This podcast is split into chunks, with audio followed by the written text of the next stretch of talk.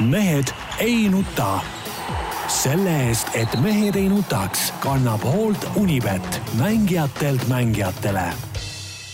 tere kõigile, kes meid vaatavad ja kuulavad, ükstapuha mis ajal, ükstapuha millisest vidinast, mehed ei nuta eetris, teisipäev, kell on üksteist läbi, kaheksa sekundit, Tarmo Paju Delfist. tervist.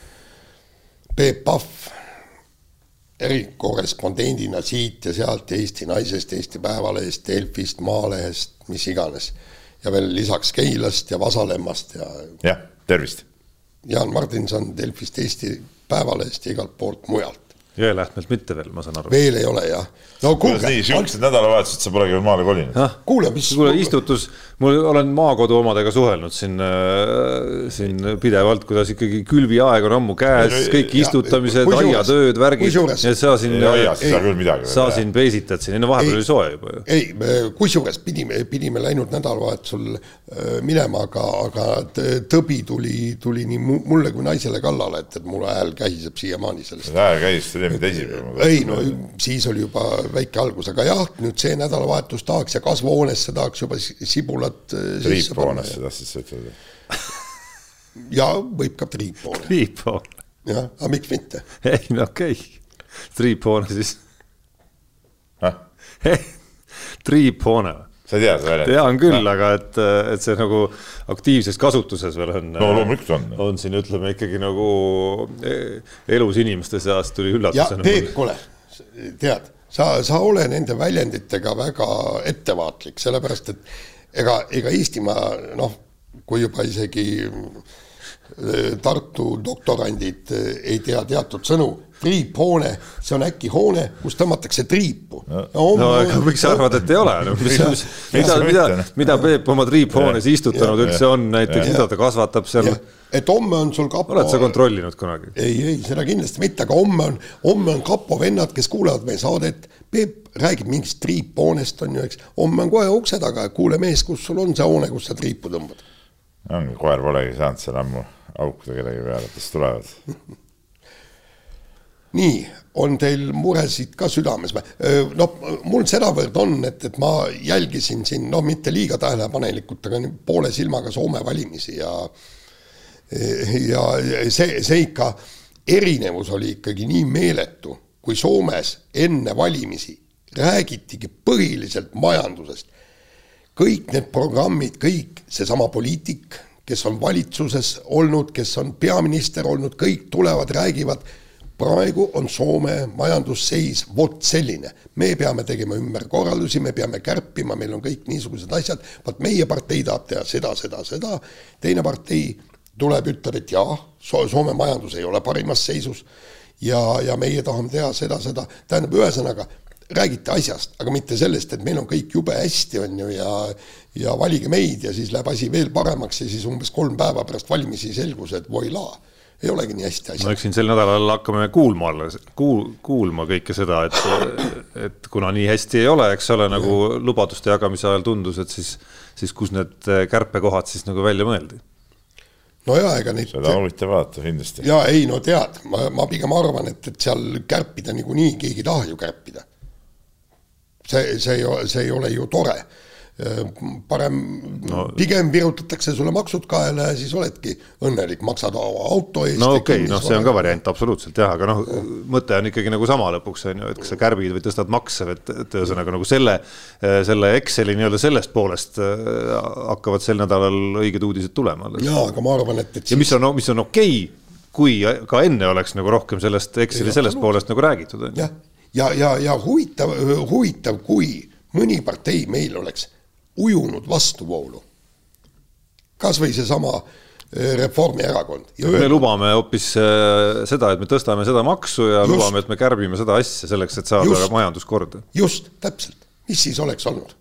no vot, ei ole Vaat, näinud sellist. tead, aga, aga ma, ma ütlen sulle ausalt, vähemalt minu valik oleks kaldunud pigem sinnapoole, pigem sinnapoole, sest andke andeks, noh, ega no kogenud ajakirjanikku ikkagi väga, väga ei peta ja te, noh, siin on igal pool, eks vaata, noh, kuidagi inimestel on see, et, et sõna sõna vastu asjad ja kõik ilma igasuguseid dokumente esitamata tullakse sulle, öeldakse, et poliitik või ükstapuha ütleb, et nii ja siis järsku ja tegelikult, mis on kõige hullem, ajakirjandus võtab sellest ka kinni, aga ta ütles ju nii.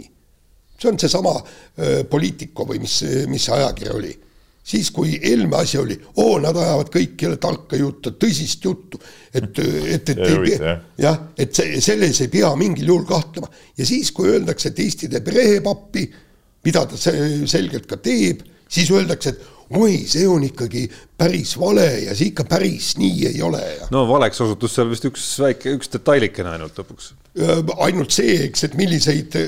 ja, aga juba see suhtumine on juba on nagu nii kardinaalselt erinev nagu nendesse, no see on ja. nagu naljaks vaadata. jah, ja siis, siis kõige, kõige toredam on ju see, et, et siis öeldakse, et ei, et nad valetasid, näete, meil vot see sõjaväelane ütles, et nii ei ole ja järelikult nii ei ole. no kuulge, ajakirjanikku niimoodi lüpsta, see ei ole võimalik. esimene asi peaks ajakirjanik kohe küsima, kus on dokumendid, näita, tõesta mulle see, et, et, et sa lihtsalt ütled mulle, et asjad ei ole nii, noh, anna andeks, ajakirjaniku jaoks see ei tohiks maksta. mul on väikene selline spordi regionaalpoliitiline väike sissejuhatus ka siin no,. No. Äh, noh, kuna võrkpall on praegu äh, teema, äh, võrkpallifinaal on käsil ja otsustavad mängud, siis, siis sattusin ka võrkpalliuudiste lainele natukene ja ohohoo, mida ma näen Eesti Võrkpalliliidu koduleheküljel kõikide uudiste seas nädalavahetusel toimunud ka kuni kaheksateistaastaste äh, noormeeste ja neidude Eesti meistrivõistlused ja Peep, mis sul nüüd vastu panna on? Äh, mõlemas vanuseklassis Eesti meistriks on tulnud äh, Rae võrkpallurid. vot nii. sa oled Aruküla mees? Rae valla elanik jumal, sa oled ikka eriline selgrootu limukas küll. ja lisaks lisaks, et see, see ei ole veel kõik, et oma nii-öelda nagu eelmist valda ka ikkagi nagu veel äh, meeles pidada hästi, siis äh, mitte küll nüüd eraldi võistkonnana, aga, aga ütleme, selline ümmarguselt pool Tallase ja Tallinna spordikooli satsist äh, olid osalised selles, et, et ka noormeeste A-klassi käsipallurid saaks hõbemedali, tõsi, mitte kuldmedali Põlva järel siis. seda ma tean, et Põlva seal võitis aga no hästi hakkab sellest pihta, et Rae vald ei olegi, mis on vald, see on see vald ikkagi tähendab nagu maakohta tegelikult, Raes mingit maakohta nagu pole. kuidas ei ole? sina elad. kuidas ei ole? sa elad nagu Tallinnas põhimõtteliselt. no esiteks on seal maakohti isegi, isegi sealkandis, kus ei... mina elan no,, on maakohti küll, miks ei ole, kui sa lähed sealt tagant Uuesalust no, sinna. ole nüüd, Tarmo kuule, seal on talud isegi, ei, kuule, ei päriselt, seal on suured talud isegi reaalselt sealsamas. mõned nagu... talud on, aga ütleme see, kus sina elad, on ikka linn. ja kui sa lähed Rae valla teise otsa, ma ei tea, kuskil Lagedi ja Vaida poole, noh siis see on ikka ja nagu maa, maa. seal maal, see on teine asi. teiseks eh,, kuidas saad niimoodi nagu, nagu vibutada kätt ikkagi nagu mingisuguse täitsa enda jaoks, eh, mis sind seob selle vallaga, mitte miski no,. sinu vald on ikkagi Aru, elu Aruküla mees olnud ja nüüd sa mingi Rae valla ehk oma põlise rivaali edu peale vibutad siin rusikat, no see reaalne jutt. no absoluutselt mis, miks ma peaks häbenema seda no,? miks, kas, kas sündimine ühte kohta tähendab, et seal tuleb äh, paigal püsida elu lõpuni no,? ma ei tea, miks või mis see loogika seal no, taga on. Aga... see, et sa oled selle valla mees no. täitsa totakas mõte. miks, miks ma peaks? saba selges on vaja ringi joosta. miks ma peaks, saba ei ole absoluutselt seljas, väga valin koha, kus mulle parasjagu ja kus mu perele parasjagu kõige rohkem sobib no ja kusjuures ta on, nagu ma saan aru, tütre juba võrkpallitrenni pannud. see on, see, see. sellepärast ta viibutas. no hetkel, hetkel selgelt, hetkel selgelt on juhtimas, ütleme nagu pole position'il ilmselgelt on ikkagi nagu kohalik võrkpallikogukond jah, kui rääkida tulevastest trennipaikadest. aga no natuke on aastaid aega veel, et, et teised alad jõuaksid ka pead tõsta. no nii kuule, aga lähme spordi juurde ja räägime siis korvpallist. ei, kus, ei, lihtsalt äh, remargi korras, äge nagu noh, ma ei ole Rae valla spordi tegemistesse nüüd nagu nii palju süveneda jõudnud veel. et iseenesest oli nagu äge ja meeldiv üllatus, et äh, Rae ei ole olnud ju ajalooliselt mingisugune tohutu võrkpallikants. sest sa oled meistriliiga naiskond on Rael ju. ei no meistriliiga naiskond võib olla, aga kui sa nagu ajalukku vaatad, kas, kas noormeeste võrkpallis on olnud seal nagu. ei, ei, aga seal noh, seal on nüüd ju see asi käima pandud. ei no nüüd on pandudki käima, et seda ma räägingi, et, et ilmselgelt on nüüd pandud. Üllatus nagu. et nüüd ilmselgelt viimastel aastatel on seal midagi väga hästi käima pandud, et, et see oli väga sümpaatne ja äge lugeda. nii, aga lähme nüüd äh, spordi ja lähme äh, alustuseks äh, korvpalli juurde ja, ja seda korvpalli on nii palju seda põnevat olnud, et isegi mina olen vaadanud ja mitte lihtsalt lugemise kõrvalt siin poole silmaga, vaid ikkagi võtan tõesti no arvuti endale kõhu peale ja vaatan kohe täie rauaga. no hakkame siis, kuidas ta eile õhtul äh, Prometee ja Viimsi mängu vaatas niimoodi, et kohe raamatu pani kõrvale. jah, ja, ja, ja kusjuures. ka viimast äh, kahte poolt minutit, trenn no,, trenn lõppes ja siis võtsin telefonist kõrvale. no ütleme niimoodi, et ma olin ikka. aga aga ma ütlen siis vahele, et äh, mul selle lätlaste sportcentrist tuli pilt palju kiiremini, kolmkümmend sekundit oli vahe, nii et siis tuli pöörata pilgud Vitolsi telefoni peale, kes võttis oma, oli endale ette võtta, mul polnud mõtet enda telefoni vaadata. Kui, kui me juba seda, seda Prometee ja Viimsi mängu no näiteks alustuseks ütleme, siis ma olin muidugi ääretult tige, tige sellepärast, et kuidas see, see, see kuula nüüd hoolega, Kossu analüüs. jaa, ei, mis Kossu analüüs jah, e eelviimane, üle-eelviimane rünnak, see oli täiesti täielik totrus ja tegelikult okei okay,, see selleks, aga. rünnakud olid vähem totrud või ah?? kas Prometi rünnakud olid vähem totrud või? nüüd jõuame järgmise punkti. Tegelikult ma vaatasin sealt eh, ikkagi teist poole üsna. Ja kuulge, kui te tulete mulle rääkima, et see sats, Prometi, mängib sedavõrd vinget korvpalli, et eestlased neile vastu ei saa ja see sats tahab saada Euroliigasse läbi Eurokapi või mis, mis asja, no andke andeks kolmkümmend üks võitu järjest. jah, kõik on õige, kolmkümmend üks võitu järjest, aga see, mida nad Viimsi vastu no,.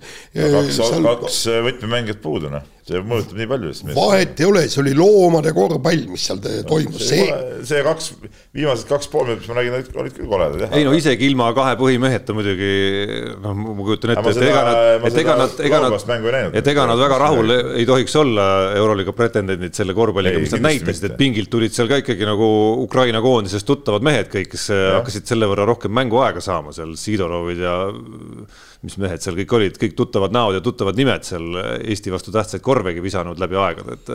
kahjuks ka Eestit võitsid viimati, nii et noh et, et, et selles mõttes oli isegi seda faktorit arvestades, et kaks olulist mängijat puudu, oli see ikkagi nagu ülisümpaatne üllatus Viimsi poolt, et nad suutsid selle seeria nagu selliseks ajada. jah, kahju muidugi, et seal, et seal jäi see viimane niit veel puudu võit no, oli ju laual. no ta oli nagu laual selles mõttes jah, et noh, kui, kui sa seda, no laual selles mõttes, et, et nad juhtisid no, enne viimast veerandaega. ma pärast vaatasin mängu käiku, nad olid seitsmega seal vist ees, eks ole. ja seal oli neljandal veerandajal hetki, kus noh, näiteks Egert Haller sai vist kuskil neli korda järjest visata kolmest, noh mees, kes ongi selle võistkonna viskaja.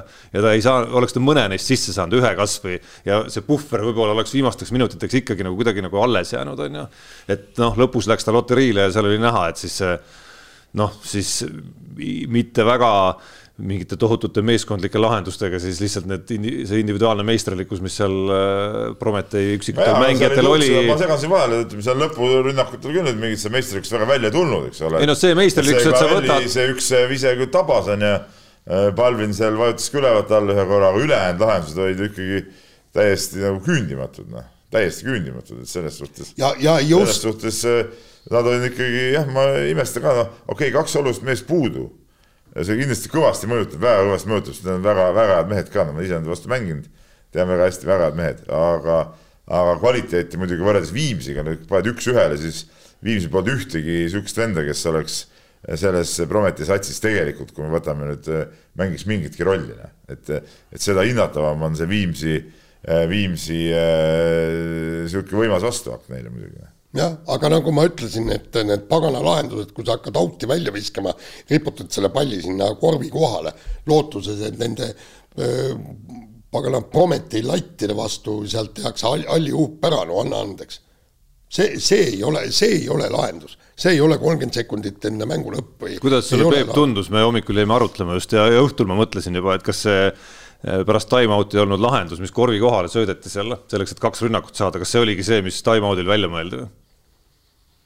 ma üldse nii süüvinud sellesse, ma ei ole isegi mõelnud selle peale. no tundus nagu, arvestades, mis koljad ja, seal vastastel korvi all on, no siis tundus nagu üsna no, lootusetu üritus. no ei, see lootusetu ei olnud, eks seal pidi ikkagi ju, ju kuidagi nagu mees läbi katete sinna vabanema ka sinna äh, koha peale, et, et vaata, nii lootusetu oli, aga, aga ausalt öeldes nagu teiste mängu niimoodi praegu, ma ei, ma räägin, kui ma vaatasin seda mängu, meil oli oma trenn ja ma lõpus seda paari minutit vaatasin ja rohkem, rohkem mul on seal omal muresid nii palju praegu, et ma ei ole selle, selle peale saanud küll sügavalt mõtelda. aga kui me, aga kui me selle Viimsi ja Prometi mänguga niimoodi orgaaniliselt alustasime juba, siis no mis seal salata, see Viimsi võit selles seerias oleks olnud muidugi eriti magus, arvestades siin Prometee mänedžeri eelmise nädala intervjuud ja lauset, kuidas Eesti korvpallis äh, töökust on, aga ambitsiooni on äh, vähevõitu ja korvpallimaaga tegelikult nagu tegemist ei ole, et see oleks päris hea nagu niisugune nagu väikene ninanips olnud sellele, sellele jutule, kus minu arust oli nagu loomulikult oli ka tõetera no, loomulikult sees no,, ilmselgelt kui me räägime, kui me räägime nagu noh, mida me siis rahvusvahelisel tasemel oleme suutnud või mis ambitsiooniga klubisid ehitada, vähemalt seni. Eh, noh, siis, siis tuleb nagu nõustuda, muidugi kuul-, kuulata seda leedulasest mänedžerilt, kes saab askeldada äh, Prometei miljonitega, mis äh, noh, mille päritolu osas ma kujutan ette, oleks, mida oleks ka huvitav nagu vaadata, kust see kõik pärit on, noh siis noh, siis sa tuled ja räägid mingisugust kosmosest nagu hoopis mingile, mingit nagu juttu, kus sa nagu minust ei saa, anna nagu päris hästi aru, et kas asi on ambitsioonikuses või asi on selles, et, et meil võib-olla selliseid äh, oligarhe siin ei ole näiteks. no vot, äh, Jaan, ära hakka ma näin, sa hakkasid juba hingama siin, et äh, sellega nii, et ma, meil tekkis seal erinevate noh, klubi, meil on seal väike sihuke vestlusring ka ja seal tekkis, tekkis ka arutelud, kõik olid muidugi tagajalgadel ja, ja harjad punased, aga mina, mina seda niimoodi küll ei võtnud, et minu arust tegelikult selles jutus oli ikkagi väga-väga palju nagu tõde ka sees, et, et et ega me ei olegi ju nagu noh, nagu sa ütlesidki, Euroopa mõistes me polegi mingi korvpallimaa, et me võime ise endale ette kujutada, et oleme, aga aga tegelikult me ju ei, ei ole, meil ei ole ühtegi niisugust tulemust ette näidata siin siin viimaste kümnendite jooksul, et me võiks ennast korvpallimaaks pidada, seda esiteks, teiseks äh, ega meil sellises mõttes ambitsioonikust ju tegelikult äh, ka ei ole, nagu, nagu ütleme, tema pidas silmas siin mingit Euroliiga ambitsiooni, et kõik need mingid Champions League'id ja see, noh, see on sihuke, ongi niisuguste väikeste, väikeste satside ja väikeste riikide nagu, nagu, nagu pärusmaa, et, et keegi ei ole Eestis ütelnud kunagi välja, et davai, paneme Euroliiga satsi kokku, et teeme mingi superklubi, millest näiteks Kalev Kruus on korduvalt ka äh, rääkinud ja mis, mis minu arust ka oleks nagu, oleks nagu näiteks nagu seda tõelist ambitsiooni, ta ei peagi siin Eestis mängima ja, ja ei olekski vaja või noh, mängiks kuidagi väiksemas mahus, aga, aga oleks Euroliiga ambitsiooniga, et sellist asja ei ole välja tulnud, noh, et ütleme, kui, kui kui jah, et, kui me siin räägime ainult, ainult sellest siin mingist väikses eurosarjas mängimisest, Eesti-Läti liiga võitmisest, siis, siis seda nagu sellise ambitsioonina võtta ei saa, aga me seda, seda kõike on tehtud siin oma võimaluste piires, aga, aga ma ütlen veelkord, et ambitsioon tähendab seda, et sa ikkagi üritadki teha üle oma võimaluse tegelikult, noh, et, et sa üritad seda, seda võimalust äh, kümme korda suurendada, kui sul praegu on, et, et aga, aga ega ma ei tea, olete näinud, mina ei ole näinud, et keegi oleks üritanud seda teha. Peep, sa, ma... Peep, sa võtsid mul täiesti, täiesti sõnad suust, see täpselt sedasama juttu lõhka, mina Äh, tahtnud rääkida ja, ja, ja siin ma just ütlengi, et, et no Tarmoga vist äh, vestlesime paar, paar sõna ja kõik, et minu jaoks on, on see korvpallikogukond on üle Eesti on sedavõrd suur ja ikkagi mina pean siiamaani korvpalli ikkagi Eesti nii-öelda number üks äh, jah, ja, ja rahvaspordiks ja kõik nii, seesama kogukond peaks koos tegutsema selle nimel, et meil oleks täpselt samasugune võimalus, kui vaadata seda noh, Kaunases seda Žalgirise mängu. Ma, mina ei, koha peal ju ei ole olnud, aga telekast olen vaadanud ja siin on aeg-ajalt on ju see äh, AK uudistest on ka kõik läbi käinud. No vot meil oleks midagi sarnast vaja, okei okay,, kui me Euroliiga tasemele esialgu ei jõua, aga me peaksime siis võtma vähemalt, vähemalt eesmärgi jõuda kahe-kolme aasta pärast, mis on see tasemelt teise, teisele tasemele ja, ja, ja eurokappi. noh, täna ja, on isegi raske öelda, kas see on eurokapp või see on äh, no, Champions no, League, et seal. nagu, nagu jätab vähemalt kõrvalt vaadates küll väga nadi, nadi. ei tea, ta on korraldusliku no. poole pealt, minu arust on ta isegi nagu. kui ma vaatan telekaid mänge, siis siis mind nagu see Champions League üldse ei huvita noh. ma ei tea, mina, mina tajun aina rohkem ja, ja olen seda ka rahvusvahelisest korvpallipressist äh, lugenud ja kuulnud, et et nagu korralduse poole pealt Champions League paljudes asjades on tegelikult nagu eurokapist mööda läinud, sest ta on nagu selle FIBA nii-öelda nagu esindussari versus eurokapiga, mis on nagu euroliiga süsteemis teine sari, vaata. et aga noh, mis arengud seal toimuvad ja, ja võib-olla seal toimuvad üldse mingid ühinemised, võib-olla noh, mingid asjad, et no vahet ei ole. Champions League'is osalemine ka ei tee meid korvpalli, enne kui meil pole euroliiga satsi, me ei saagi ennast korvpallimaaks nimetada. see on ka selge. Noh. no see kõlab ikka.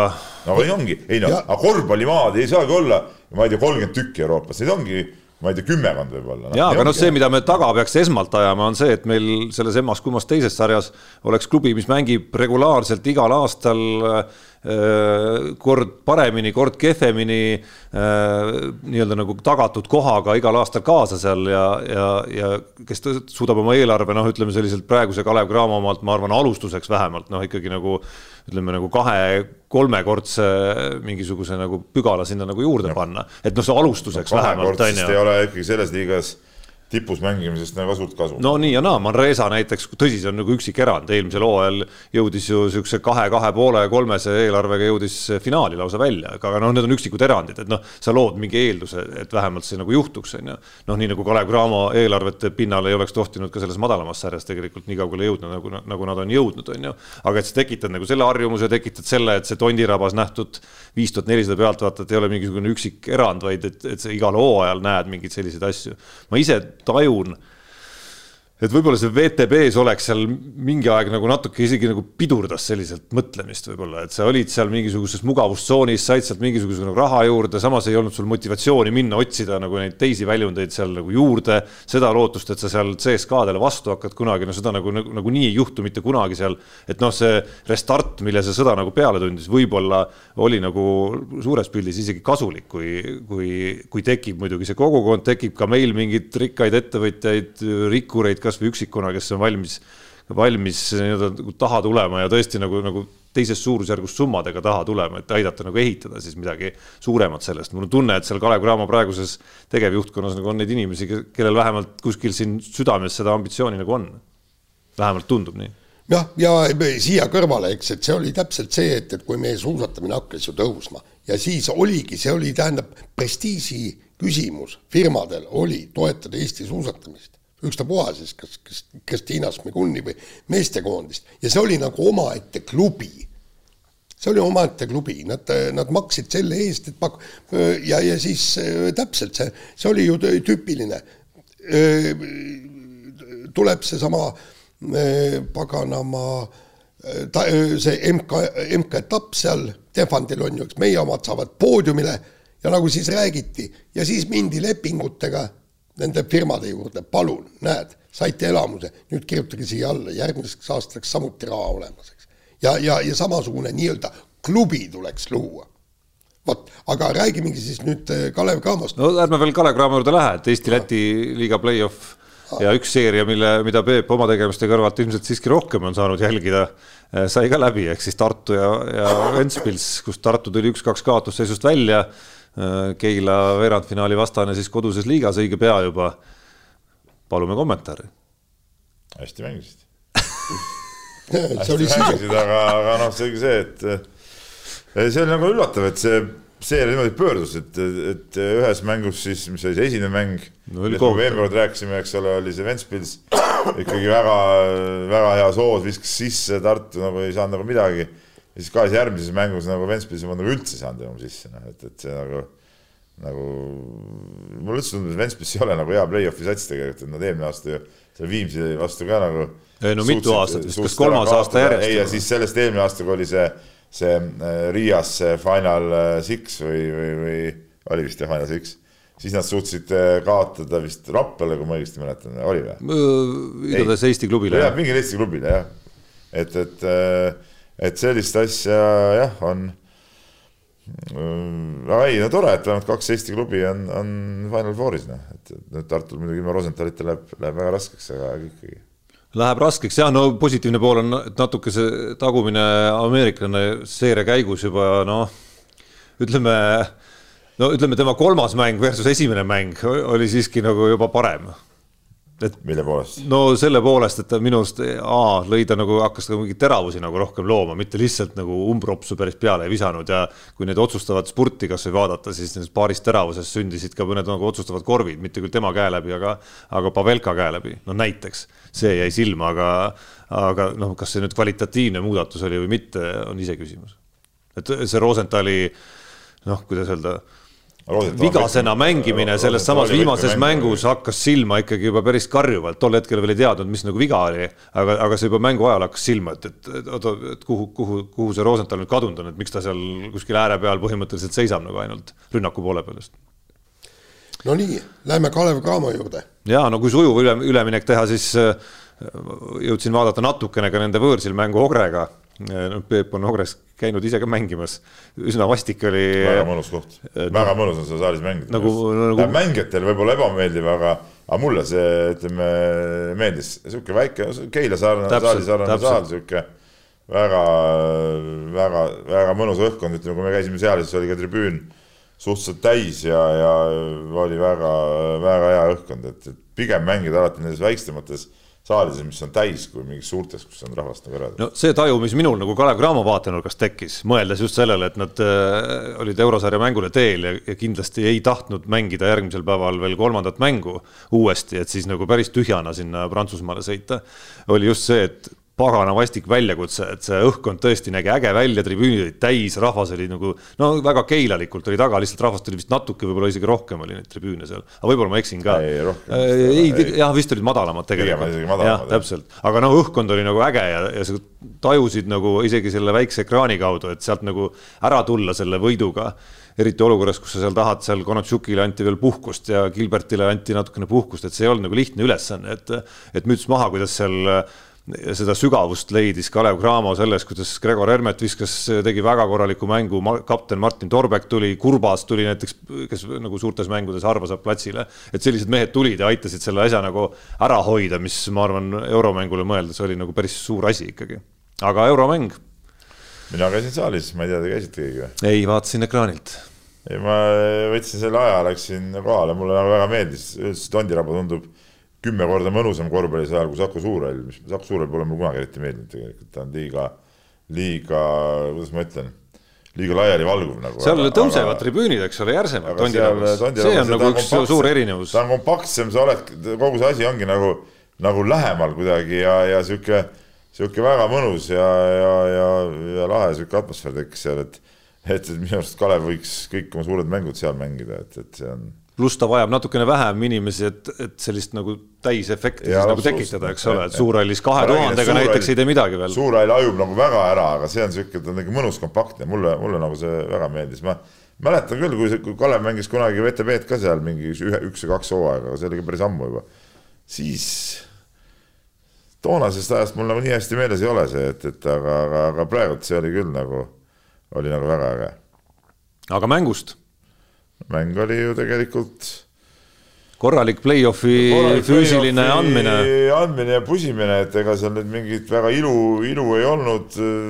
Prantsuse sats jättis kohati väga kehva mulje, täiesti aru, arusaamatud äh, lahendused, et ma ei saanudki nagu aru, mida nad seal üritasid teha, väga individuaalne meeskond muidugi, et, et et jah, ütleme ideaalses plaanis võib-olla ütleme, kui mängijaid võtta, siis nende meisterlikkus seal võibki olla parem kui, kui Kalevi omadel, aga Kalev mängib ise kindlasti meeskondlikumalt ja, ja paremini ja, ja noh, ma ei tea, kui oleks seal, poleks seal ühel mehel mingit sünnipäeva olnud kolmese kaare taga, siis see vahe oleks võinud rahulikult kakskümmend pluss olla. no ühel Kalev mehel oli sünnipäev ja noh, ega see nende noh, nende liidermängija ajas ka ikka nagu ajas päris, päris uljaid asju ajas aga nagu sisse. Prantsuse possi. ja, ja see, kes kolmes. kelle nimi mul praegu ei tule meelde, kes, kes niimoodi viskas no täitsa tuima näoga sisuliselt jalad maas, äh, ülipehme liigutusega, noh, seda on muidugi kihvt vaadata, aga aga no see vist päris iga kord päris nii tal ei käi nagu. aga noh, see kordusmäng äh, noh, seal kõik needsamad elemendid ikkagi lõpuks saavad ju määravaks, pluss ütleme, samad elemendid, seesama tohutu füüsiline mäng, mis seal nagu oli, selline nagu tohutu play-off'i korvpall mm. -hmm. see, kuidas sul korvi all on raske noh, natukene nagu hakkama saada võrreldes koosseise, sa saad aru, miks, eks ole, et need Prantsusmaa tiimid on hästi füüsilised, lähevad äh, ründelauda näiteks ja pluss seal reaalselt on ikkagi nagu pikkust ka päris palju rohkem, et et see on koht, kus ilmselgelt oli nagu väga raske, on ju. Äh, aga noh, kuskil on lõpuks ka see noh, selline nagu siis nagu vaimne pool, et ühel hetkel aina rohkem ja aina kõlavama häälega me kuuleme siin ka erinevates saadetes ja kommentaarides seda, et pagan, et me oleme nagu päris lähedal sellele, et see võit nagu üldse ära võtta, et me ei räägi siin praegu ju ainult nagu sarja võitmisest, või tähendab nagu seeria võitmisest, vaid sellest, et, et see võib olla isegi nagu, et seda poolfinaali võib vähemalt paberil olla isegi raskem võita kui finaali. no vähemalt noh, niimoodi nagu tundub, on ju, et kõik need jutud, kõik need, kõik see melu, mis siin taustal on, et, et selles mõttes pannakse siis veel võõrsil ilmselt täissaali ees nagu päris korralikult kõikide meeste nagu füüsis ja vaim nagu korralikult proovile ikkagi. ja, ja, ja mis veel nagu tundus, ma ise alguses pelgasin hirmsasti seda Prantsuse klubi eesliini, aga, aga ei olnud kuidagi nagu nii ägedad ega osavad mehed. no lauavõitlus välja arvata, siis, siis aga, nagu meisterlikkuse ütleme, mõttes rünnakul jah. rünnaku lõpetamise seda, seda siukest kvaliteeti nii palju seal küll ei olnud, kui ma oleks sellisel tasemel meeskonnast nagu eeldanud, et tavaline sats, et ka. No, tu... küll, mis muidugi oli pluss, oli muidugi see, et jumal tänatud, et see nende viimane vise ei lugenud, eks ole, et pluss seitse on ikka tiba tumm, tummisem seis kui pluss neli ja, ja see, mis siin räägiti, paljud ütlesid, oo ei, et see pluss seitse, no see on jõle vähe ja siin ikka null nullist nagu halloo, no seitse punni eest, see on päris suur edu tegelikult. pluss seitse on sellisel juhul hästi tummine või no nagu tummine, on nagu hea edu, kui sa saad võõrsil, minu arust elu on näidanud seda, kui sa saad nagu algul juhtima pigem, kui sa pigem jah, saad jah, nagu ette, et see seitse läheb tegelikult mingiks kümneks ja kaheteistkümneks, eks ole, ja siis sul on küll selline nagu mingisugune Turvaline, no natuke võõrsil ja, mängus ja, Bambergi vastu, see, see ei olnud küll seitse, see oli väiksem, eks. seal oli vist neli või kolm oli. jah, aga, aga seal Kalev Cramo sai ka selle vahe sinna kuskile kaheksa kaheksa ja üheksa ja kümne kanti. Nendel prantslastel ikkagi kuklas ka tiksub, et, et see nad äh, okei okay,, jaa tõesti, oled seal neljaga ees mängus, aga nad teavad, et tegelikult nad on üheteistkümnega taga, noh. et noh, see ongi nagu see, mis, mis neid hakkab äh, sööma. nii, vahetame teemat, räägime sõjast, spordipoliitikast äh, ja sellest, mis spordimaailmas toimub.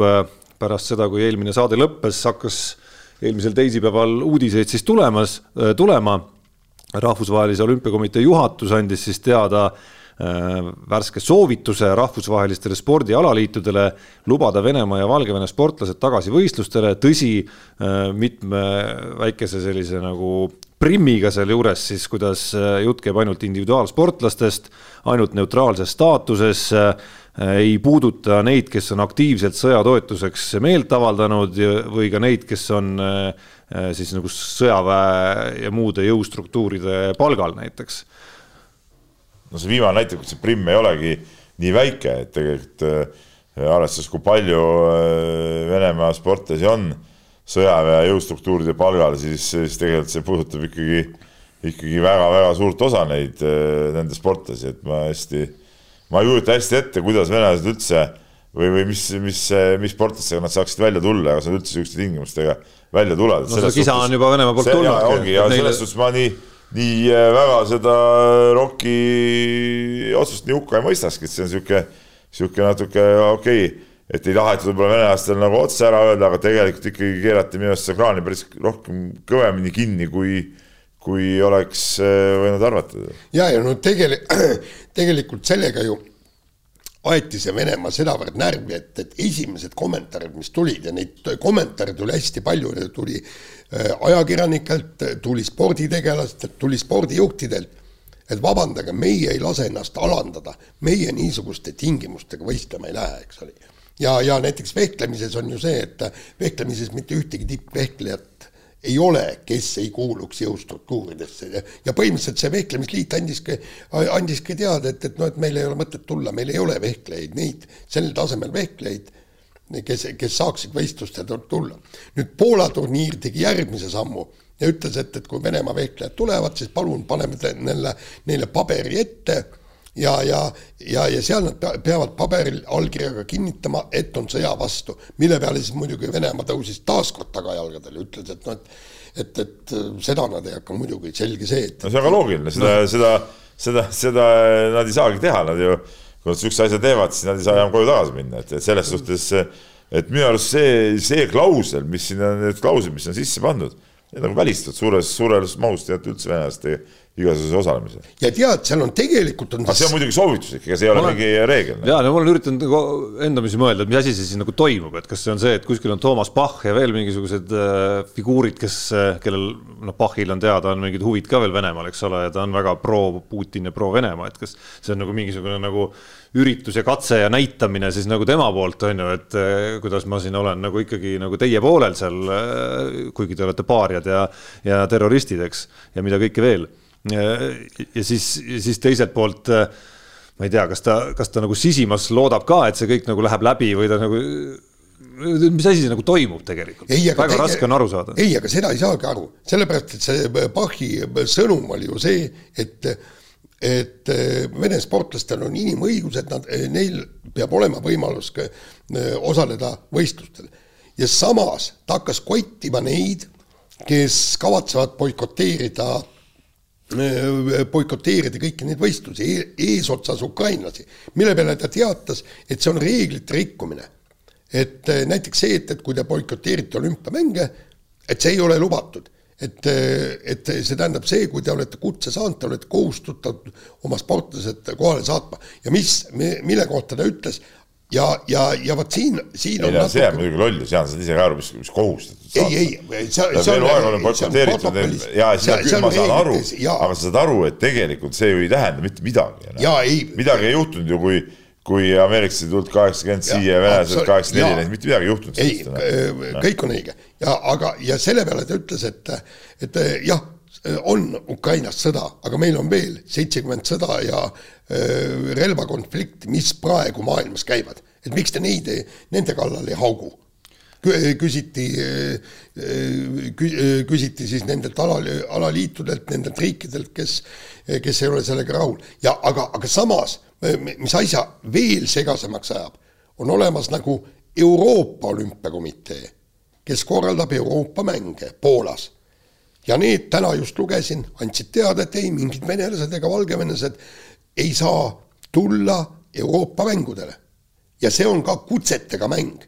sa saadad kutse riigile, riik tuleb ja, ja, ja Venele, Valgevene, tähendab, nad on mõlemad olümpiakomiteed, ajavad mõnd-, mõlemad sama asja ja üks ütleb, et noh, et osad venelased on lubatud, Euroopa ütleb, et ei, mitte, mitte midagi, kusjuures huvitav on see, et Euroopa mängude raames toimub, on osad EM-id ju. on osad, vehklemises näiteks on EM. ja, ja, ja midagi öeldi, öeldakse, et, et kõik ei, ei saa ja no ja noh, siis läheme riikide tasemele ka, kus Saksamaa vist juba kas ütles, et tema ei korralda vehklemisvõistlusi. ja Taani ei korralda, Soome ei korralda, Norra ei korralda no,. sa seisad korraldajana ja selle maana silmitsi ja see oleks Eesti Äh, see oleks olnud ju ka Eesti äh, seda VTA turniiri puudutanud, seesama äh, hüpoteetiline olukord, kus, kus sa lõpuks jõuad selle turniiri grande finaaleni ja siis tähistad seal puupüsti täissaalis Vene tennisisti turniirivõitu näiteks. jah.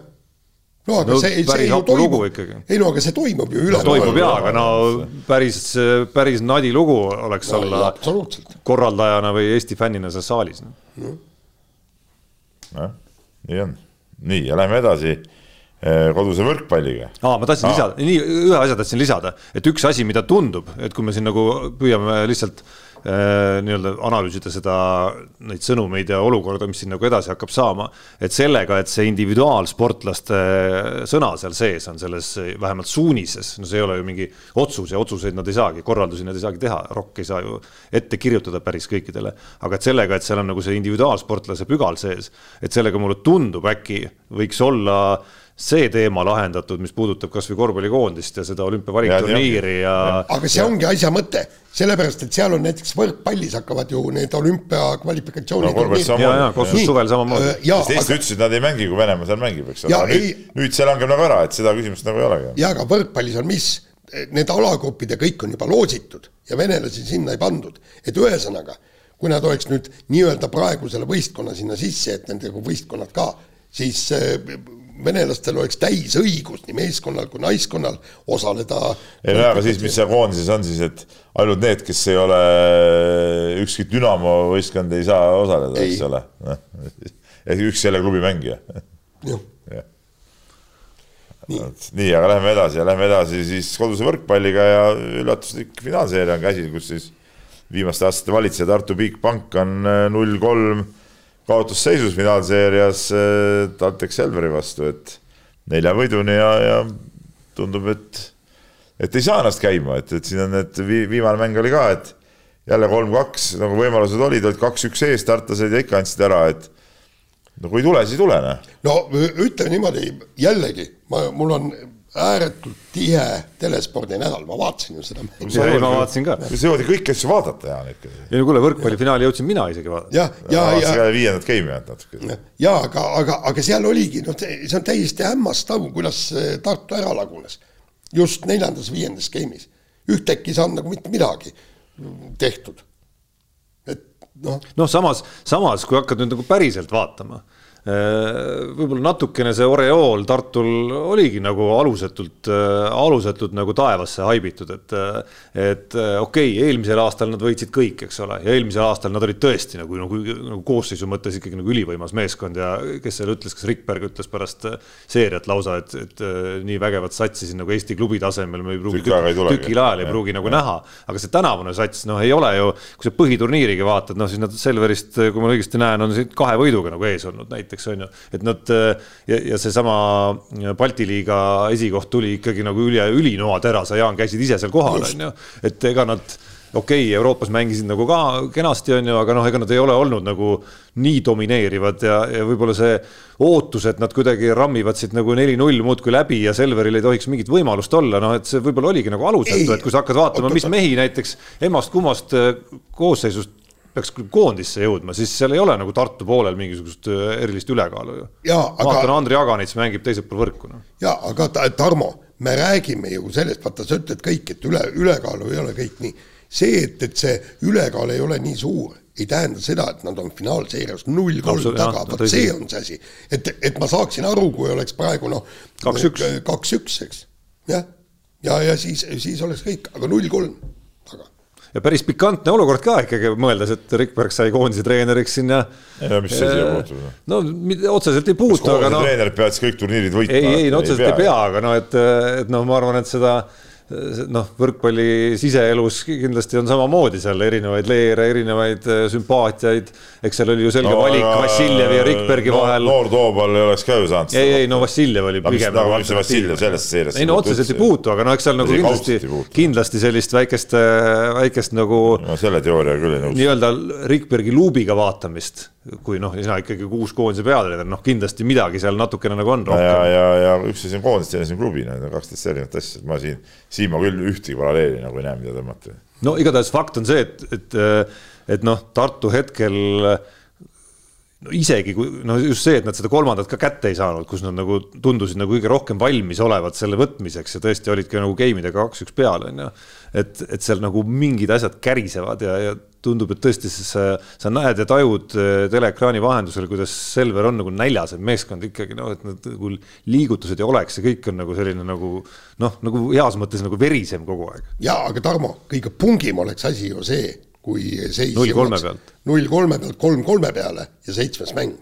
vot see oleks punk ja see oleks, see oleks see. no see mida... ei ole mitte ainult punk, vaid see on lihtsalt nagu. no see oleks lahe. see oleks nagu üli, see on üks kõige lahedamaid asju, mida, mida, mis alale üldse nagu juhtuda ja. saab, null kolme pealt tulla. ükskõik, kes selle seitsmenda pärast. seitsmes mäng igal juhul oleks lahe asi, ükspuha mismoodi tuleb. kas või üks-null, üks-üks, kaks-üks, kaks-kaks seisult. seitsmes mäng on seitsmes mäng. Noh. mäletad, kui kunagi korvpallis Saku Suurel oli täis. mäletan. Howard Fryerid ja, ja, ja mehed tegid suuri tegusid, täismaja, täismaja ees ikkagi kodu, koduliiga finaalis. jah, vot see on vägev.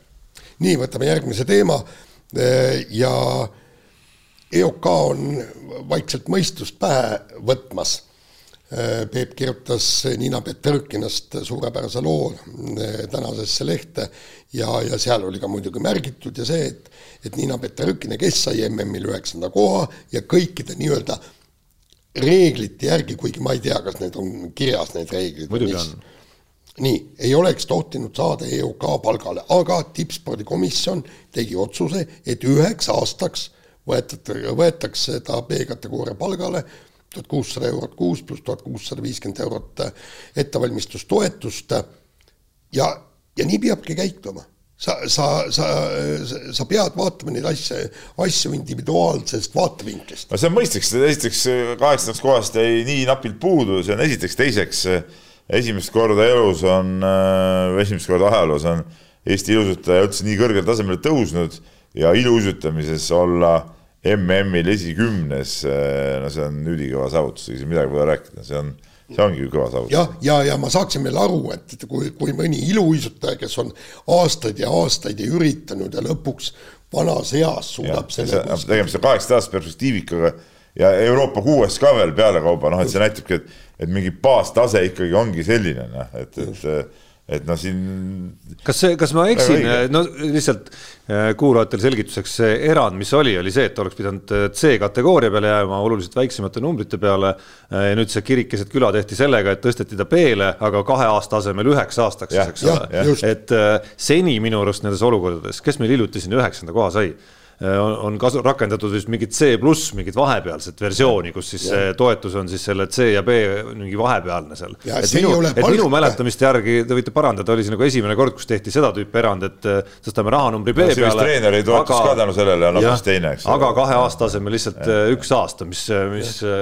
kõlab vähemalt selline nagu sümpaatne kompromiss, sest tõesti, see noh, ega ta nüüd nagu hindu vaadates niisugune, mul on, mul on ammu juba, ma Jaanile ükskord, üks päev hakkasin koridoris alles rääkima, et tegelikult peaks teemana hakkama utsitama, et need summad, noh, peaks ikkagi nagu, seal peaks nagu otsima vahendeid, kuidas neid summasid nagu kasvatama hakata, et kasvõi lennupiletite hindu kuulad siin, kuidas, kui enda reporterid lähevad kuskile lendavad, ükskõik kas rallidele või Prantsusmaale korvpalli vaatama, noh, see on ikka see on ikka absurd võrreldes mingi kolme-nelja aasta tagusega, millest need summad, need summad on kuskil seal. ja aga ma, EOK tõstis C-kategooria toetust ja, ja, ja ta ütles, et see oli meil esma, esmatähtis, eks, et, et neil oli tuhat eurot, nüüd on vist palju see on, tuhat viissada. midagi niimoodi, jah. jah, et, et, et see on nagu selles mõttes mõistlik, aga noh, tarku otsuseid soovime EOK-le ka edaspidi nii, aga selle saatuse lõpetuseks naaseme korra korvpalli juurde.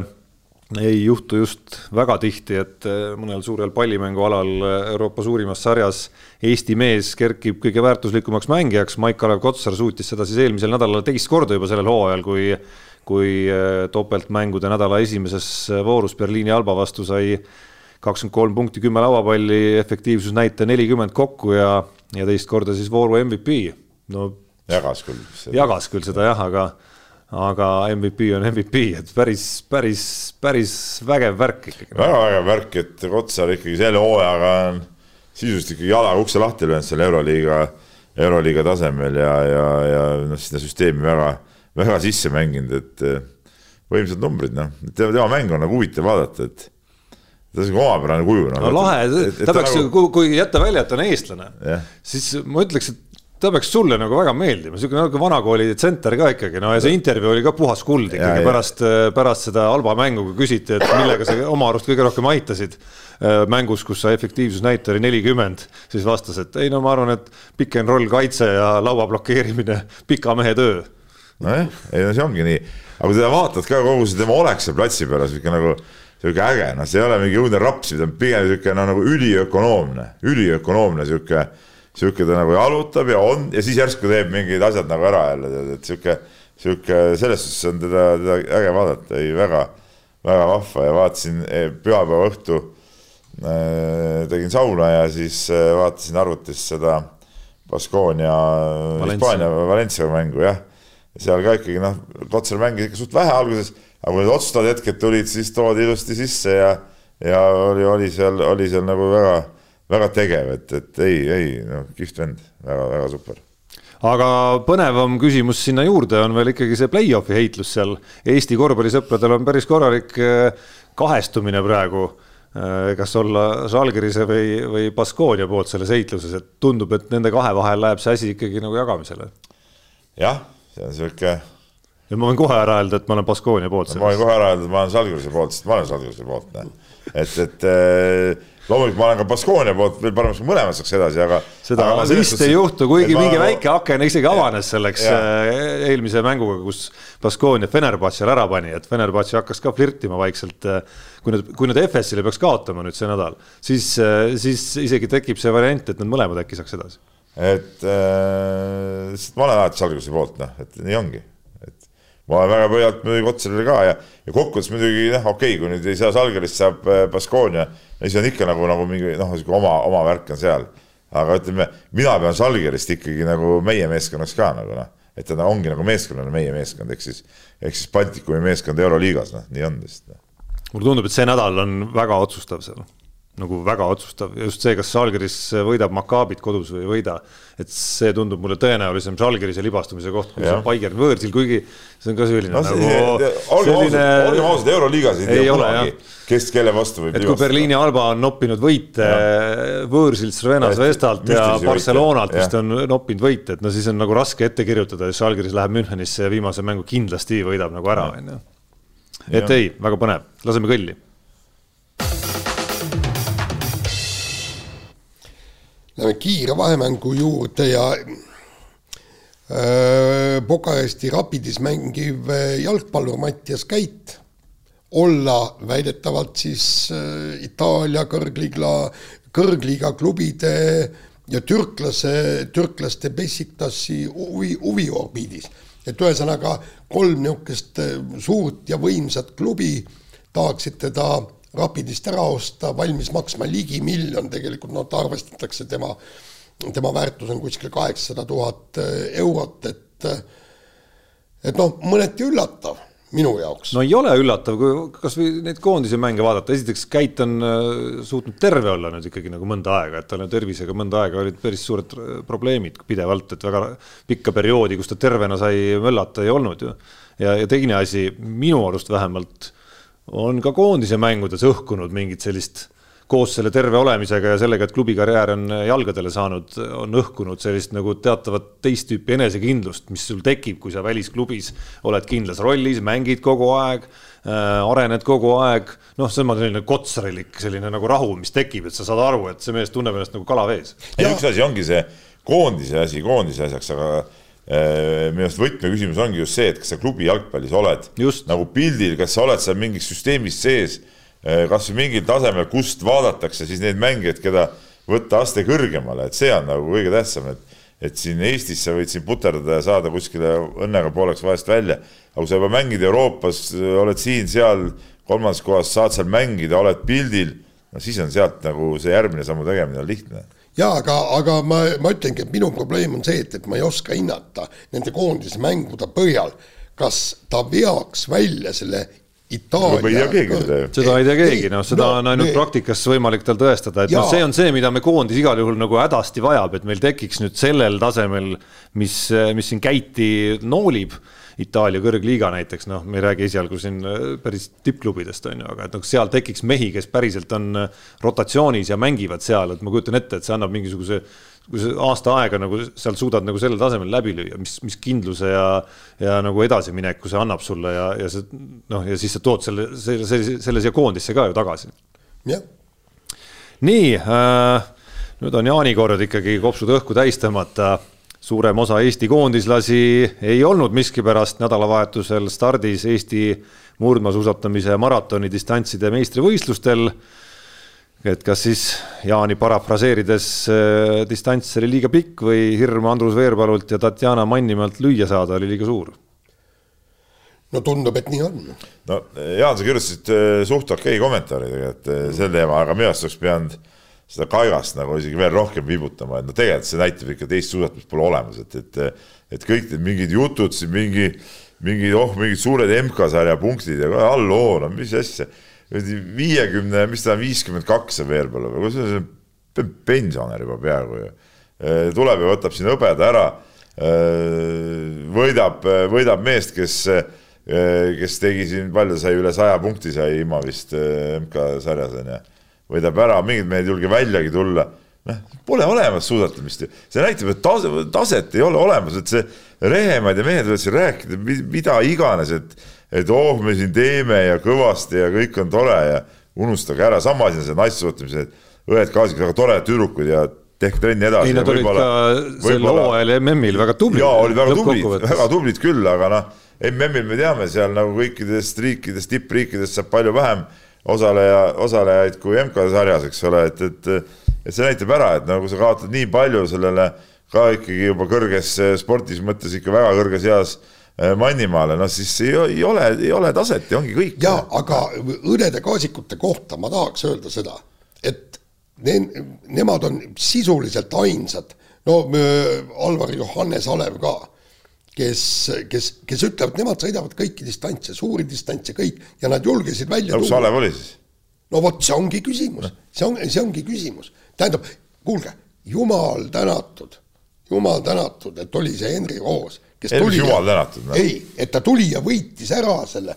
no mis sa ilma ei suutnud võita, siis ma ei saa aru, noh no, ilma kommenteeris, et ta ei. ikkagi juba kahekümne peal ütleme, tema, tema nii-öelda keha ja treeni-, ütleme see treeningu spetsiifika juba seal ikkagi nagu hakkab äh, signaale andma, et et see distants ei ole nagu sobiv tema jaoks.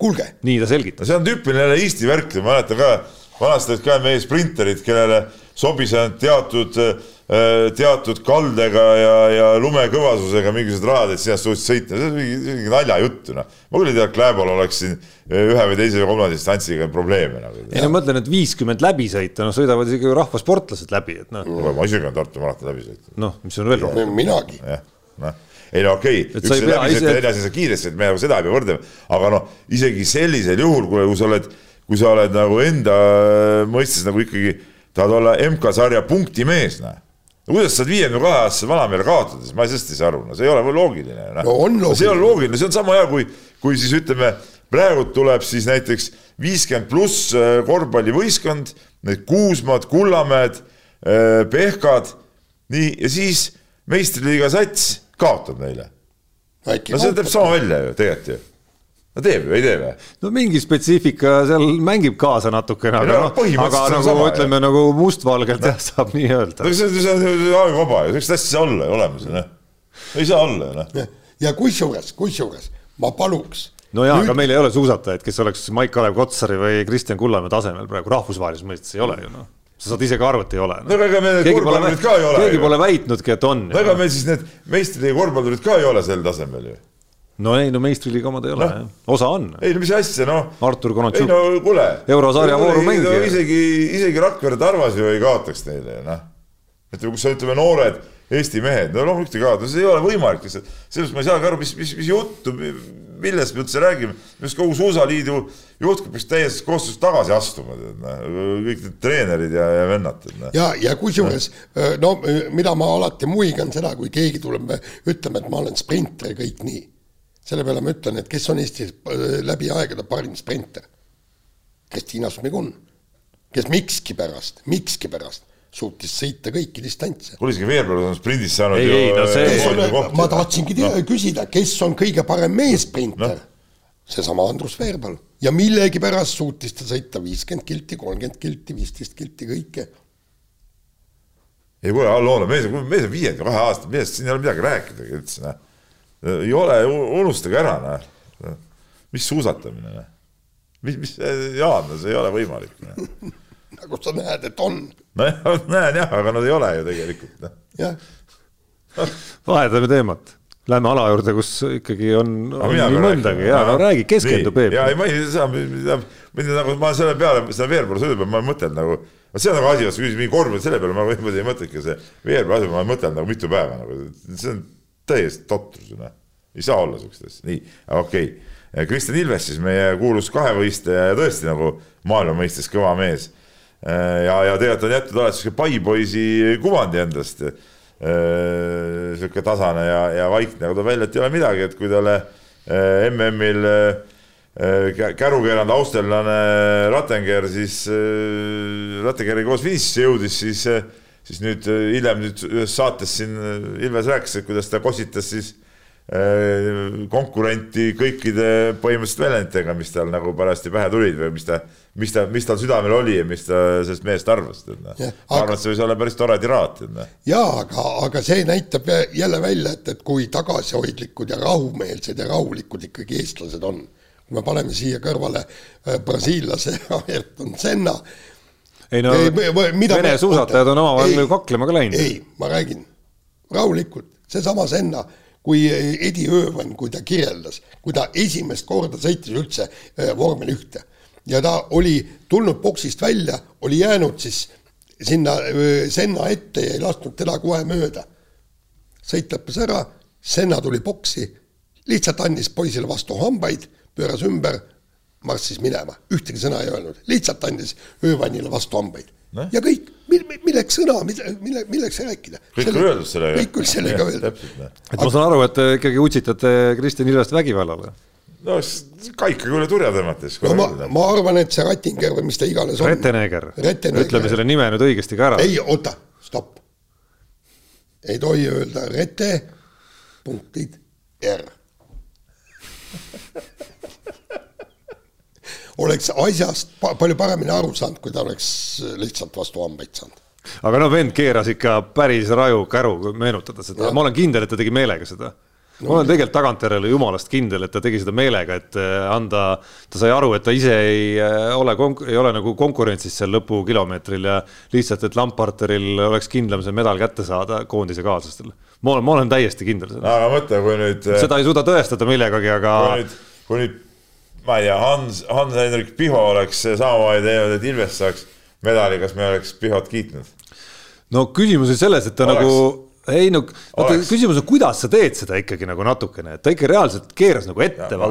üks asi on see, et sa teed. täpselt, ära hakka keerutama, kui ta oleks täpselt samamoodi teinud ja Ilves oleks tänu selle medali võtnud, mis sa öelnud oleks siis? no ei oleks kiitnud. ei oleks või? kui ta oleks, ta tegi ikkagi suht, ta tegi suht inetult seda ei, ikkagi. et, et sa saad seda teha erinevat moodi, Peep. ma ei usu sind. sa saad seda erinevat. kui ta oleks teinud täpselt samamoodi, ma ei hakka mingit erinevatest rääkima täpselt samamoodi. ei olekski. sa oleks öelnud Ilves, et anna medal ära või? ei no ma ei ütle kellelegi, et anna medal ära. või noh, see ei olnud, poleks olnud õige medal Ilvesele siis või?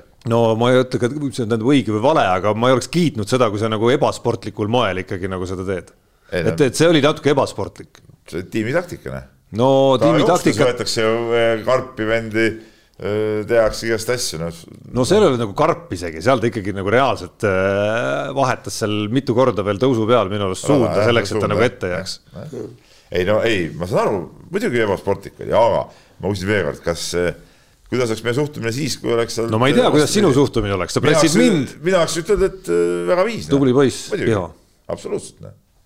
Isegi no nii nagu vaata, nagu oli see Rootsi tüdruk ju lasi seal mööda selle, et teine võidaks, loomulikult, noh viis pluss, noh nii, aga selle saatuse lõpetuseks on meil rubriik Nädal Kailas tagasi, ei ole või? aa, võrkpalli veel. räägime võrkpallist, võrkpall on muidugi võrratu, vaatasime vii-, vaatasime viiendat geimi, järsku viskas pildi, pildi mõnusalt eest ära ja, ja tükiks ajaks viskas pildi eest ära, nagu ma sain siis aru, et eh, mina vaatasin eh, selle, mis ta on, Duo viis või selle pealt, et siis lõi pildi ette võrkpall. no vahet ei olnud, kus sa vaatasid ikka, sama asi oli igal pool. ei, aga Postimees, nagu ma sain aru. ei, sealt tuli ka Eringas Veenuse õlal.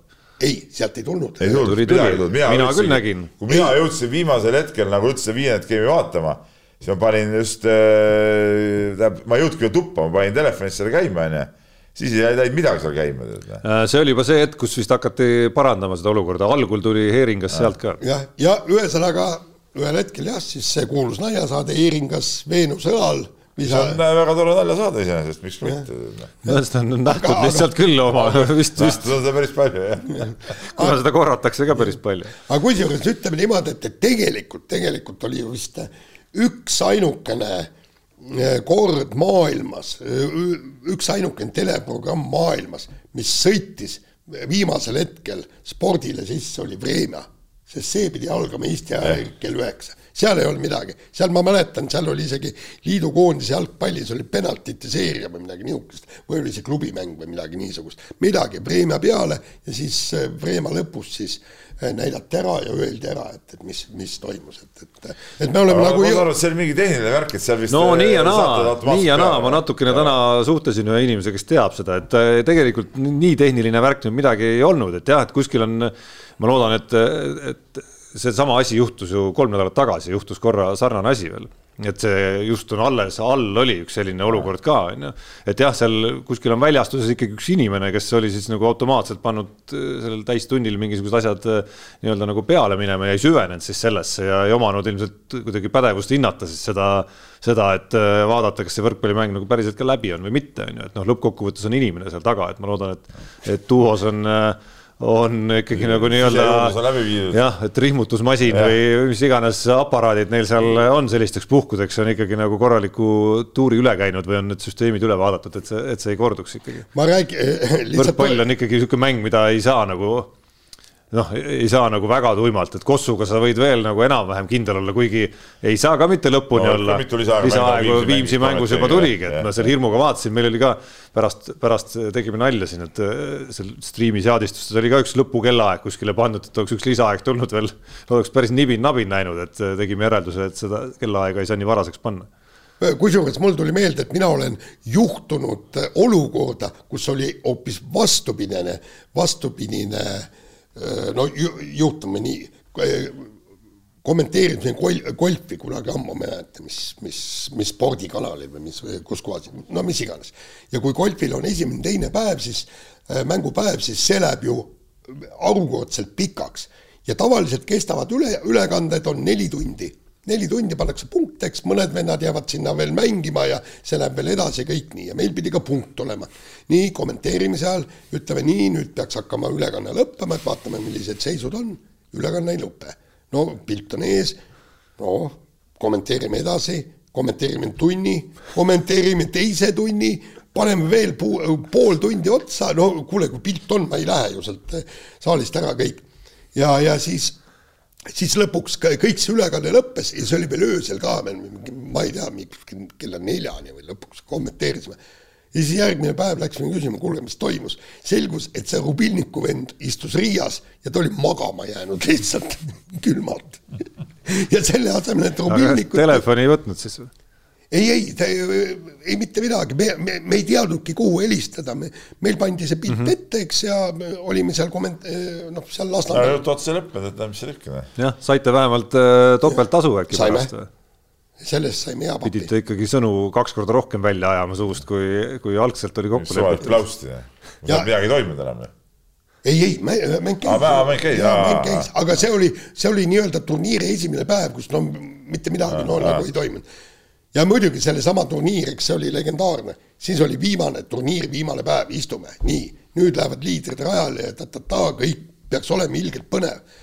ja siis see, kes oli liider, oli kümne löögiga juhtis. tähendab, ühesõnaga ja, ja ta, ta, ta lõpuks keegi ei tulnud talle ligilähedale ka, mitte mingisugust huvi ei olnud, kõik oli täpselt teada, see vend võidab, teinekord golfis nagu teada ei huvita mitte kedagi. ja panime neli tundi täielikku pläusti seal ajasime lihtsalt oma asja, sellepärast et see, mis ekraanil toimus, noh, seal polnud midagi kommenteerida. nii, nüüd nii. siis nädal Keilas. Äh, küsimus number üks. kas Sammal on juba seljas? Äh, no üldiselt veel kord ütlen, et, et see on kõige totram periood, mis ühel meeskonnal saab olla. ei, me mängisime eelmine nädal, ma ei tea, kas sa panid tähele, me võitsime Pärnut. no äge, aga Pärnut võidavad kõik viimasel ajal. me mängisime ilma oma pikata, ikka niimoodi suutsime Pärnut võita no.. Pärnul oli puudus Verre Aav, teised olid kõik kohal et, et äh, juhtisime mängu terve, terve mängu sisuliselt olime sihuke kümme pluss-miinus mõni punkt sinna-tänna ja lõpuks sai küll pluss neli, me seal lõpus lasime Robert Valgel äh, suht kuumaks minna, ta pani seal sisse äh, paar kolmest ja, ja ühe kolm pluss ühe isegi ja nii edasi, aga, aga suutsime ikkagi, ikkagi ära hoida. mängisime Märjamaal, Märjamaal väga vinge spordihoonena, ma ütlen, et noh, no seal. olen käinud. tehti, tehti enne väike ringkäik ka seal no ausalt öeldes noh, kadedusest tulevad tead tilgad püksid, et kui vaatad seda seal ja, ja, ja mis, mismoodi on suudetud üks asi püsti panna, kui, kui hästi mõnusalt ja no kõik see elukorpus ja see, et see oli vägev, nii.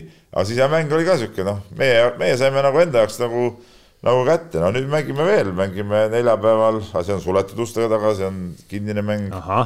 Raplaga, Raplas ja siis mängime veel tulev esmaspäev äh, Tallinna Kalevi Audentesega.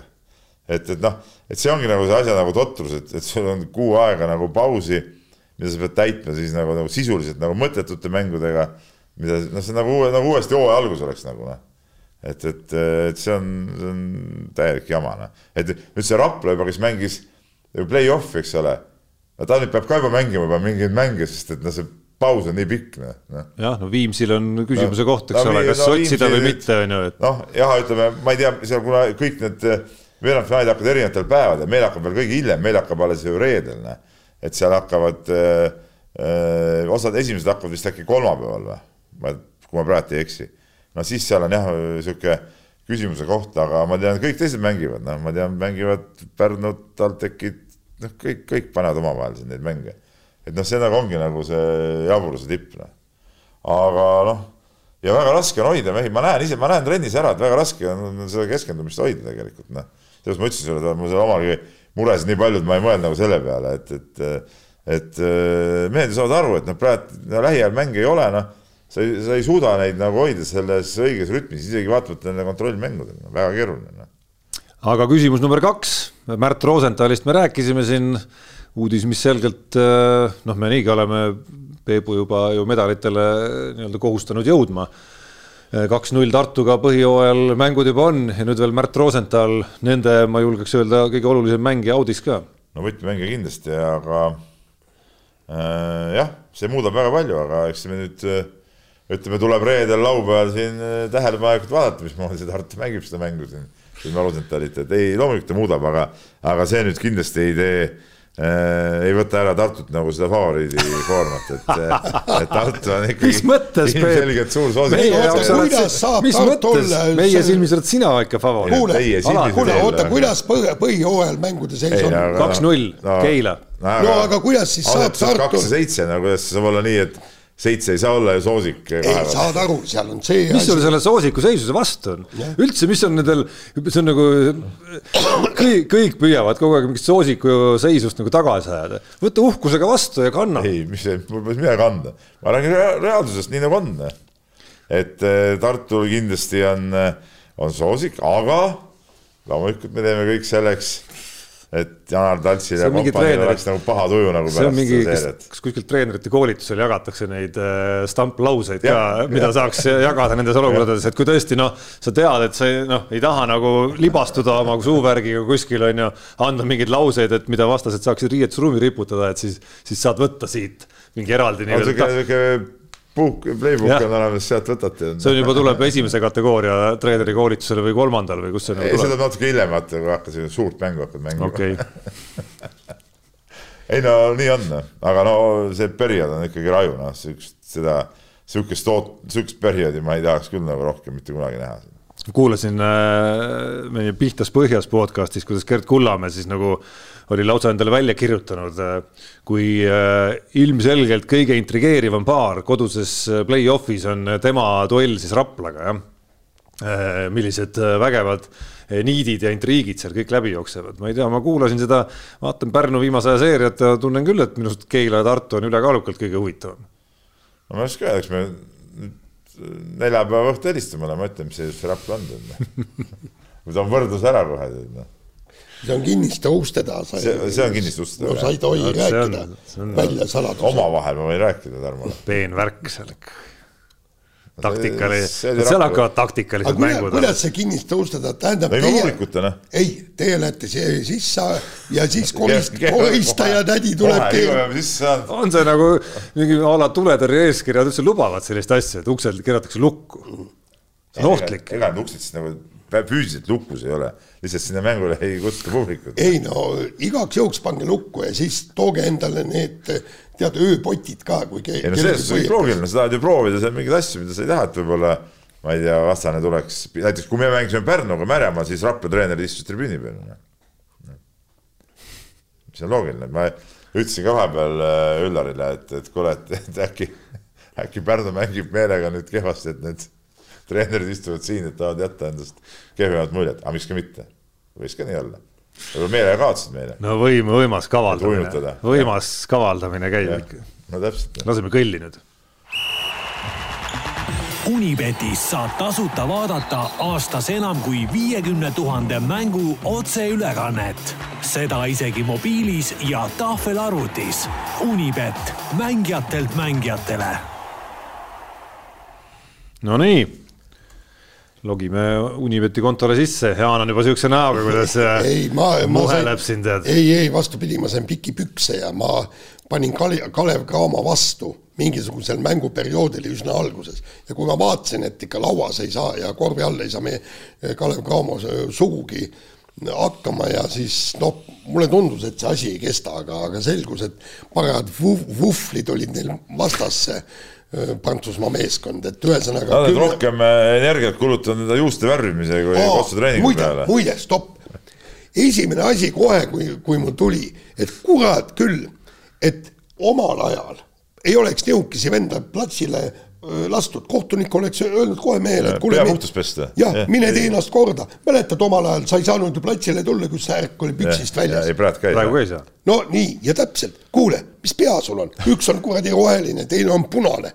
ma poleks neid platsile lasknud. ei no eks see natuke Ampelmanni mulje jätab muidugi sihuke asi on selge. no Tõnis Roodman, ma arvan, peaks sulle ütleme korvpalli ajalukku minnes ikkagi vaata, nagu väga meeldima. Tarmo, aga selleks sa peadki olema Tõnis Roodman, mitte sihuke pupujuku, ma ei tea, kolmemeetrised jalad ja, ja, ja siis on mingi värviline pea seal otsas, tead noh no omal tasemel on täitsa tennis. omal tasemel ei, vot siis ei, ei värvita veel juukseks. no ta värv, juuksevärv ei olnud ka päris tennis Rodmani tasemel siiski veel äh. oligi sihuke natukene, natukene kehvem ikkagi nagu,. no aga ta oli piir. harrastusmoe eksperdina hinnates. ei no jaa, aga ta oligi Hampelmann, nagu ta mängis.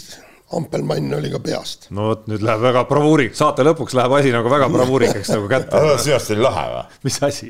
tule järgmine kord, värvige enda juuksed ära. ei tule. miks? miks ma peaks? no sul meeldis ju. ei, mulle ei meeldinud otseselt, aga mis mind ta nagu ei häirinud ka kuskilt. see on totter, kui mees käib siukse peaga ringi. ma panin ka kusjuures Kalev Cramo vastu, aga ma võitsin.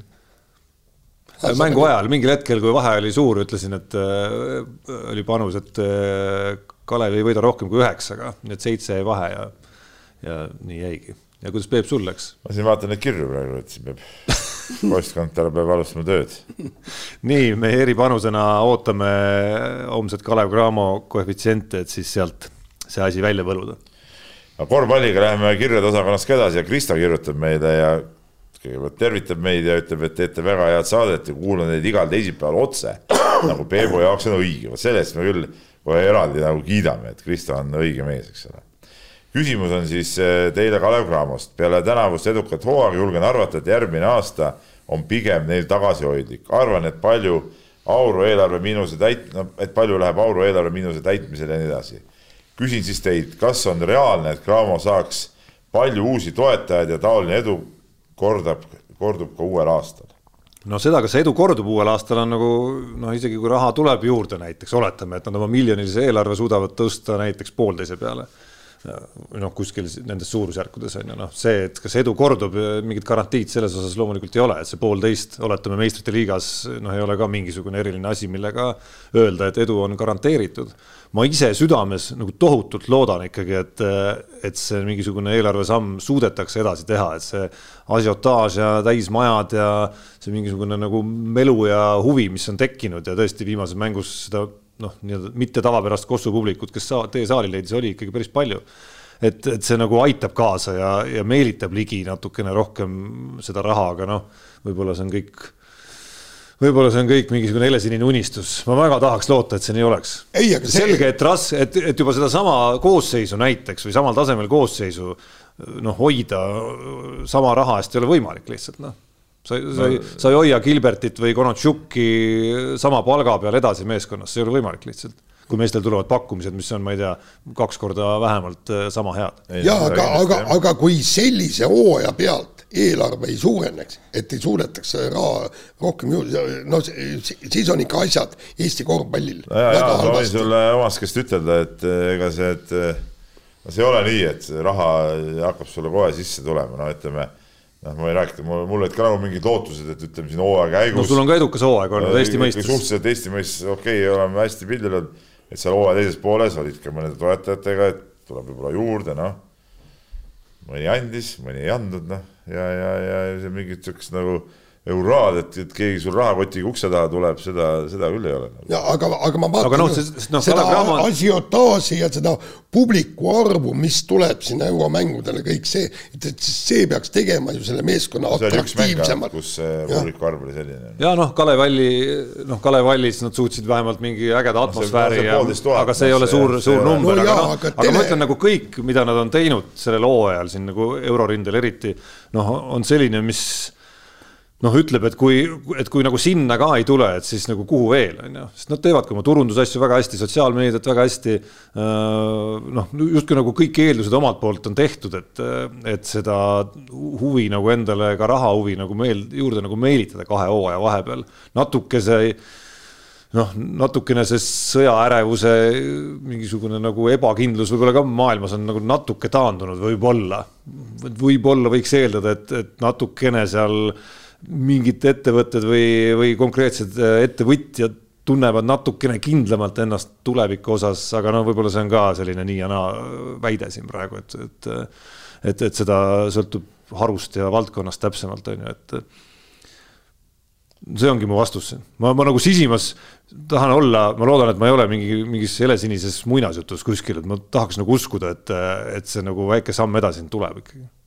No ja ei tahaks muidugi loota, tahaks, et kõik Eesti klubid suudaksid teha eelarves sammu edasi, et, et äh, aga noh, ma ütlen, et see ei ole nagu nii, nii lihtne noh aga isegi kui nad teevad seda, siis eh, noh, raske on näha, et nad suudavad nagu täpselt sama tuumikut seal säilitada, et isegi kui sa teed näiteks sammu edasi. täpselt sama tuumikut võib-olla siis... ei peagi säilitama, et selge see, et, et mingid, mingid väikesed muutused üldiselt nagu on nagu tervislikud ikkagi võistkonna sees, et päris sada protsenti sama satsiga noh, ei ole võib-olla hea minna, küll aga, selline... küll aga mingid võtmemängijad muidugi, kui jäävad samaks, oleks nagu väga hea, et tõesti erinevalt siin nagu noh, siin ma olen kuulanud seda mängumeeste podcast'i ka, kus nad kogu aeg räägivad, et et nemad nagu tahaks, et Konontšuk läheks kuskile välja, mina küll ei taha, ma tahaks küll, ütleme, kui ma, panen ennast korvpallifänni seisundisse, siis ma tahaks küll, et Konontšuk mängiks Kalevis ja, ja mängiksidki äh, selles kuskil kõvas, no mängiks, saaks Champions League'i, okei okay., Konontšuk mängiks seal, saaks seal ju korraliku hooaja, no mis, mis see siis kuskil suvalises Poola või, või ma ei tea, kus klubis saab parem on olla, et, et ma ei, ma ei arva seda, see, et nad suutsid äh, Koljariga teha juba lepingu ära, näitab juba tegelikult seda, et, et, et seal Kalevi ütleme, see mõttemaailm on nagu õige ja, ja nad üritavad mingeid, mingeid mehi juba hoida, et, et see on, see oli väga positiivne märk. ja ma arvan, et seesama jätku noh, nii-öelda nagu järjepidevus sul mingisuguses osas, et mingid muutused peavad toimima, et sul oleks see kooslus seal, kogenud mehed, noored, mingid uued tulijad, kes suruvad takka, on ju, siis äh, legionärid teatud tüpaažid äh, nii mänguliselt kui emotsionaalses ja, ja vaimses mõttes on ju, et, et noh, need peavad nagu olema, aga et see jätkusuutlikkus on lõpuks nagu eriti, kui sa tegeled ikkagi nagu eelarve mõttes oled noh, nagu miinuses mõnes mõttes. ükskõik, mis Prantsusmaa või Saksamaa või mis klubide vastu sa lähed, no siis see saab su trump justkui ikkagi nagu olla, on ju. et, et kui sa vaatad seal noh, võtad nagu superklubide järgsed äh, klubid, ma ei tea, kasvõi Hispaaniast on ju noh, siis võtta see Valencia näiteks, selline mõnes mõttes nagu hea mudel on ju, on ju nagu, mis järjepidevust sa seal näed, kui pikalt on, äh, on kõik need legionärid, Dubljevitšid, Van Rossumid, mehed ja seal, seal muidugi, püsinud muidugi. ühes kohas paigal ja ma arvan, et see on see, miks nad äh, aeg-ajalt suudavadki hammustada neid suuri. see ongi nagu see point, vaata, vaata palju siukseid Euroopa nõrgemates liigades on nii, et et hooaeg saab läbi, kõik mehed muutuvad sisuliselt, ma ei tea, üheksa-kümme meest vähemalt vahetub välja. see on muidugi jama, ma, ma mõtlesingi seda silmas, et, et see tuumik jääks samaks, et seal ütleme, see puudutas võib-olla seal kahte, maksimum kolme mängijat, see, see rotatsioon nagu, et, et see on nagu, nagu oluline minu arust, et see aitaks hoida nagu värsket verd ja hoida ka sihukest seda järjepidevust. nii, aga äh, Randel kirjutab meile, kirjutab nii et talle Twitteris silma äh, Roland Liivet tweet, kus ta märkis ära, et meie esigeimer Robin Kool maksis eelmine aasta endale keskmiselt kümme tuhat eurot äh, kuus palka ja tema ettevõtte kasum on üle poole miljoni euro. tekkis huvi, et mis teie sellest arvate, olete enda saates ajaloos pigem negatiivselt suhtunud e-spordi teemadesse, kuid see maailm areneb kiiresti ja seal liiguvad suured rahad. siit ka küsimus Peebule, et kui Robin peaks Keila KK-d järgmine hooaeg toetama hakkama kas siis tema suhtumine muutuks e-spordi suhtes paremuse suunas? no, mina ütlen siin kohe, et e-sporti ma ei suhtu mitte kuidagi. minu jaoks on täiesti null, aga kui inimesed leiavad võimaluse sellega endale korralikku raha teenida. ei, palun väga, ei ma. palun jah. väga, jah. ja teine asi, et kui loomulikult, kui, kui ta tuleb toetama Keila KK-d, siis äh, oleme tänulikud, teeme talle reklaami, nii nagu peab tegema. aga see, et ma nüüd sellest mingi e-spordi sõbraks muutunud, noh ega see, kui ma näiteks, eh, mul on sihuke tore sponsor näiteks nagu üks nagu, nagu Terrat, mis on nagu vana maaparandusettevõte, no ma ei tea, praegu kaevavad ka kuskil mingeid kraave, nagu see on seda, et ma siis eh, loomulikult on väga-väga toredad ja ägedad vennad on seal eesotsas. Eh, kiidan neid, loodan, et nad jäävad edasi ka meile sponsoriteks, aga see tähendab seda, et ma oleksin ise siis mingisugune, ma ei tea, kopamees vahepeal või käiksin mingeid kraave kaevamas või, või oleksin ilge kraavi kaevamise fänn, noh, et see nagu või, või mingi toru, torutööde fänn ei ole niimoodi, no see, see ei puutu nagu üldse asjasse. minu arust see võiks olla aasta eh, selline nagu e-spordi turundustegu, kui ikkagi rops tuleb, paneb Keilale õla alla ja hopsti äkitselt kogu hooaja jooksul Peep siin meie saates kasvõi räägib, et pagan, kui kõva see e-sport, see on ikka nii äge värk. mul on nagu täielikus lummuses. küll aga see siis Ropsi ütleme logo paneme särgi peale, nii nagu peab panema. sa ei oska Peep ikka nagu turundust ei, teha vaata, ikka korralikult. vaata, ei vaata Tarmo, turundus see üldjuhul tähendabki selgrootud limuklust ja, ja sa ajad mingit täielikku äh, kägu ja kelbast, vaata. ei ole niimoodi, inimesel peab olema ikka mingi selge põhimõte, noh no niimoodi kui, läheb küll Rops, ma arvan, Kuremaad, Kuremaad toetama no,, sest ta on Jõgeva poiss minu no, teada. mis Kuremaad, noh, ma ei usu, et Priit Vene nüüd ka mingisugune eriline e-spordi entusiast oleks nagu no.. äkki ta on, äkki ta on piisavalt äh, selgrootu, et ikkagi ei, painduda usu, sinna. ei ole selgrootu. hakkab siin ka ikkagi rääkima kui e-spordi võludest. ei, seda kindlasti mitte, aga, aga ei, no jumal, kui siuksed, ei no kõva mees on seal omas amplos kindlasti ja, ja minu jaoks muidugi müstika et sellised rahad liiguvad, ma ei saagi nagu aru, et kus, kust see raha sinna tuleb või, või mis värk sellega on. Ei no kui kogu e-spordi nii-öelda auditoorium, tegelejate hulk on nii suur, siis. ma ei saa ka aru, kus see auditoorium on, ma ei tea ühtegi inimest, kes e-sporti jälgiks. Noh. isegi oma poja sõpruskonnas ei no ma ei tea, mida poja sõbrad tegelevad küsitle siis oma aga... võistkonna nooremaid liikmeid. ei, ma ei usu, et ma ei usu, et mul seal keegi seal väga mingit e-sporti jälgib. et ise, ise mängida ja sellest ma saan. ja ise mängida, ma mängin see... ma saan aru eh, üle nagu mingi võrgu mingit seal, eh, kus mingi, aga, aga no mingeid võistlusi jälgiks ma seda ei ole küll kunagi tähele pannud. vot nii, aga tõmbaks otsad kokku, poolteist tundi peaaegu läinud. no nii, tõmbame sellega otsad kokku ja kuulake meid järgmine kord. mehed ei nuta. saate tõi sinuni Unibet, mängijatelt mängijatele